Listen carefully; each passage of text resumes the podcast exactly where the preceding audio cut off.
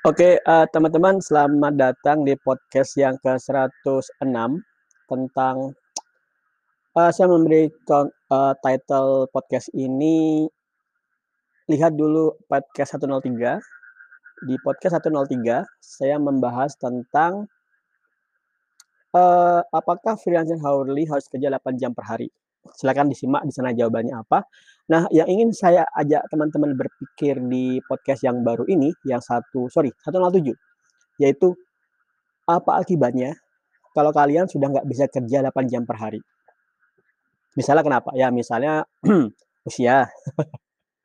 misalnya kalau kalian sudah masuk usia kepala 4 ya, saya kepala 4, uh, eh, kepala 5, kepala 6, apalagi. Intinya kalian sudah nggak bisa kerja se sekuat dulu lagi, Mungkin kuat loh ya, tapi sudah terasa jenuh dan rasanya masa aku gitu-gitu aja ya kan. Nah, uh, apa yang harus kalian lakukan?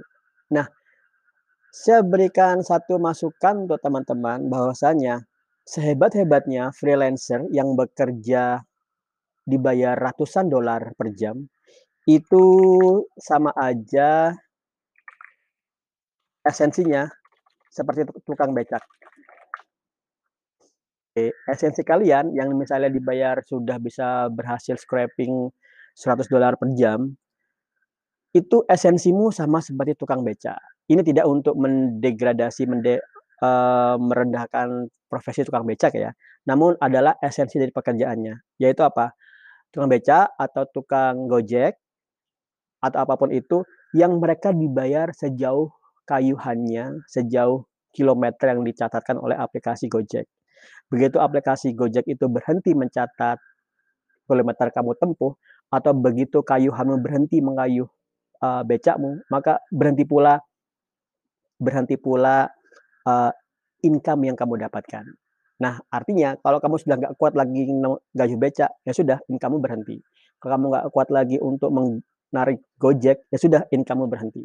Nah, apa yang ingin saya berikan masukan Uh, sepertinya saya pernah di beberapa podcast sebelumnya memberikan masukan kalian, alih-alih menjadi tukang becak, jadilah pemilik tukang becak, pemilik para tukang becak. Atau jadilah pool tukang becak itu sendiri. Um, itu seperti ini. Kalau kamu jadi tukang becak, kamu hanya kuat menggenjot katakanlah 5 jam per hari full ya. Wah, tapi itu serem banget ya, 8 jam per hari full genjot kamu dapat katakanlah 100.000 per hari. Oke, itu kan ya oke lah, katakanlah itu cukup. Tapi mungkin kamu besoknya nggak bisa lagi menggenjot sebanyak itu. Nah, idenya apa? Idenya gimana kalau kamu menjadi orang yang memiliki banyak uh, becak yang nganggur, kemudian kamu rekrut orang-orang yang nganggur untuk menjadi tukang becak, kemudian kamu ambil bagi hasilnya katakanlah 10% aja atau jangan banyak-banyak ya, 10% aja deh. Kalau nggak salah Gojek itu 20%, uh, eh, correct me if I'm wrong. Tapi intinya adalah kamu kamu membangun suatu sistem di mana kamu tidak perlu mengayuh becak, biarkan orang lain yang mengayuh becak dan kamu buat kesepakatan bekerja sama untuk, "Hey, kamu mengayuh becak, aku modalin becaknya. Bahkan kalau kamu mau aku bisa kasih gaji yang nanti itu akan diambil dari pendapatanmu tiap harinya. Jadi dia akan dijamin mendapat gaji. Itu intinya kamu buat sistem di mana orang yang bekerja merasa diuntungkan dan merasa adil. Jadi yang nggak adil itu adalah misalnya kamu bekerja, uh, kamu bekerja mereka bekerja dan kamu ambil cutnya besar banget sampai dia nggak bisa memenuhi kebutuhan hidupnya. Itu itu nggak asik banget. Nah, intinya apa teman-teman? Begitu kamu sudah menjadi orang yang skill di dunia remote work, jangan berhenti di situ aja. Jangan jangan merasa puas diri. Kenapa? Jadilah software agensi. Jadilah software agensi. Inti dari software agensi adalah kamu bisa mengatur uh, delegasi pekerjaan untuk ke banyak tim. Jadi kamu menjadi orang yang menghubungkan para pekerja ini dengan para pemberi pekerjaan dan kamu menjadi orang di antaranya, kemudian kamu mengatur sistem agar mereka bisa uh, terpuaskan dengan rate yang mereka dapatkan dan kamu pun mendapatkan cut yang adil dan orang yang kamu mendapatkan pekerjaan darinya juga mendapatkan pekerjaan yang terselesaikan dengan baik. Nah, ini adalah inti dari hadis tentang dagang, Yaitu kan Rasulullah bersabda, coba saya lihat ya. Hadis tentang dagang itu adalah hmm. Wah, tapi ya ada ya, uh, uh, intinya adalah dari banyak cabang rezeki, hampir semua cabangnya adalah dari perdagangan. Kalau kalian sekarang menjadi freelancer, itu bukan berdagang ya, itu jasa. Tandanya apa? Begitu kamu berhenti bekerja, maka in kamu berhenti. Dagang adalah kamu membangun suatu produk atau suatu sistem sekali aja kemudian sistem itu berjalan atau produk itu dijual dan kamu bisa menduplikasi keuntunganmu tanpa kamu perlu bekerja lagi. Nah, itu seperti misalnya kalian ngebangun nah sebenarnya ini kalau tidak dunia digital agak berat loh ya. Misalnya gini, kalau kamu membuat sapu yang dijual di jalanan, satu, satu, satu sapu kamu jual ya. Kalau kamu menjual dua sapu ya kamu buat lagi sapu yang kedua, sapu yang ketiga. Ini di dunia nyata. Kalau di dunia digital itu sebenarnya asik banget. Kamu cukup buat satu produk di dunia digital dan produk ini bisa di-copy berkali-kali kan atau diakses berkali-kali nggak akan nggak akan mengurangi tidak akan membuat kamu menambah effort. Contoh contoh misalnya kamu membuat website, uh, saya ngambil aja. Saya tampilin websitenya Mas Ahi. Nah, ini. Ada adsense-nya nih. Oke, ini ini ini satu website. Ini, kamu membuat website yang dia ada iklannya dari Google AdSense, cukup sekali kan? Cukup sekali kamu membuat iklannya ada terus. Contoh saya klik ini ya, nah ini Mas Akhi dapat duit nih. Nah, itu yang dimaksud dengan menjual atau membangun produk. Nah, kalau ini eh, dunia bukan digital, ini agak ribet. Yaitu misalnya kamu, ini katakanlah buku yang dibaca orang. Ya berarti kalau kamu menjual 10 buku, kamu harus benar-benar membuat fisik cetakan 10 buku. Nah, kalau di dunia digital, cara bedagangnya lebih unik. Kamu cukup satu membuat uh, produk, orang akan bisa mengakses berkali-kali. Nah, ini adalah konsep dari uh, aku lupa sih. Konsep dari kata-kata yang lupa. Publisher. Oke, sorry publisher Android lah katakanlah langsung aja. Publisher itu gini, kalau teman-teman sekarang, misalnya sedang dapat proyek dari pemerintah, membangun aplikasi Android ya.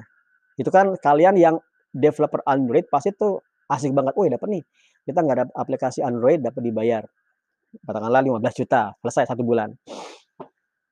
Kenapa? Karena asik kan, kamu tertantang, skillmu bisa mencukupi untuk menggarap aplikasi itu. Tapi itu kamu bukan publisher, bukan pedagang, kamu masih seperti tukang becak. Begitu kamu berhenti menggarap aplikasi itu, income-nya hilang kan? Ini perbedaannya dengan pedagang. Kalau kamu publisher Android, kamu punya skill Android, kamu ngebangun aplikasi, kemudian aplikasi itu kamu simpan di Google Play Store dan dia ada iklannya. Setiap kali orang ngedownload dan berarti muncul iklannya, kamu mendapat duit, mendapat dolar. Dan saya sebenarnya tipe yang sama seperti kalian. Saya developer. Kadang-kadang untuk membangun aplikasi, bukan kadang-kadang sampai sekarang ya, bikin ngebangun aplikasi yang dijual di Android via Android iklannya lewat um, AdMobs, in income-nya, itu nggak tertantang. Kenapa? Karena gampang kan? ya bukan karena secara teknik uh, tidak menantang banget. Contoh aplikasi Android yang besar itu aplikasi ini. Wallpaper misalnya, lah. Nih. Wallpaper tentang anime, wallpaper HD ini secara teknologi malah sudah template. Kamu tinggal pakai aja aplikasi misalnya Andromob teman-teman mendengar ini rada, apa ya? Nah, masukkan ya. Kamu buat aplikasi, nggak perlu mikir, kamu tinggal drag and drop, bla bla bla bla, dipublish, kamu dapat duit. Nah, itu pedagang, mindset pedagang. Nah, teman-teman, sebenarnya saya juga mengajak diri saya sendiri nih. Jadi namanya dakwah atau mengajak itu paling didengar oleh telinga sendiri, ya kan? Saya sebenarnya sedang menyemangati saya sendiri, yaitu untuk uh, ngebangun aplikasi-aplikasi di Android, kemudian dipublish sehingga saya menjadi publisher, saya menjadi pedagang. Beda, kalau saya buat proyek yang dari pemerintah, saya menjadi tukang becak. Nah, kalau saya menjadi publisher, itu saya menjadi ya, saya menjadi pemilik becak. Ini becaknya. Contoh, ini adalah becaknya. Ini becak-becaknya yang dia berjalan terus secara otomatis dan kita dapat income. Nah, kalau pengen tahu berapa jumlah pendapatan dari publisher Android itu fantastis. Saya mengatakan benar-benar fantastis. Ada teman yang saya belum izin ya, jadi saya nggak nyebut nama deh. Uh, ada teman di Facebook di di Jogja. Kalau sudah saya izin nanti saya akan minta sebut nama. Nah, beliau mempelajari Andromo dan ya sekarang ini kayaknya per bulan sudah 40 juta. Tanpa ngapa-ngapain. Saya bilang tanpa ngapa-ngapain tentu ada pertama kali men-setup aplikasinya, kemudian menjalankannya, mengupload di, uh, Play Store, dan kemudian secara otomatis bisa mendapatkan income. Dan dia beliau menggunakan aplikasi andromo.com. Membayar 300.000 per bulan kurang lebih, kemudian dapatnya 40 juta per bulan, ya balik banget kan. Nah, teman-teman, uh, ini adalah seperti yang sudah saya sampaikan tadi, saya sedang memotivasi diri saya sendiri dan juga memotivasi teman-teman agar kayaknya kita sebaiknya jadi publisher deh ketimbang jadi developer. Itu benar. Uh, oke, okay, kapan ini terjadi? Saya harap dengan diri saya sendiri adalah kalau kita mengajak orang sorry, kalau kita ingin mendapat manfaat dari sesuatu, paling gampang adalah mengajak orang ke sesuatu itu dan kita bersama-sama melakukannya. Uh, berbeda kalau berbeda kalau saya tahu sesuatu itu bermanfaat, kemudian saya ambil sendiri ya manfaatnya untuk saya saya aja kan. Nah, sekarang saya adalah saya menunjukkan satu in satu jalan baru dari Remote Worker Indonesia jadi publisher.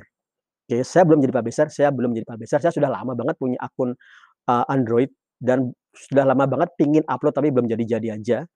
Nah, saya harapan saya adalah dengan podcast ini, saya sendiri terinspirasi dengan saya sendiri dan teman-teman juga punya masukan, "Oh, ternyata ada andromo.com di mana saya bisa menjadi publisher tanpa coding." Oke. Jadilah jangan jadi tukang becak, jadilah pemilik tukang becak. Jangan jadi penjual jasa, jadilah pedagang.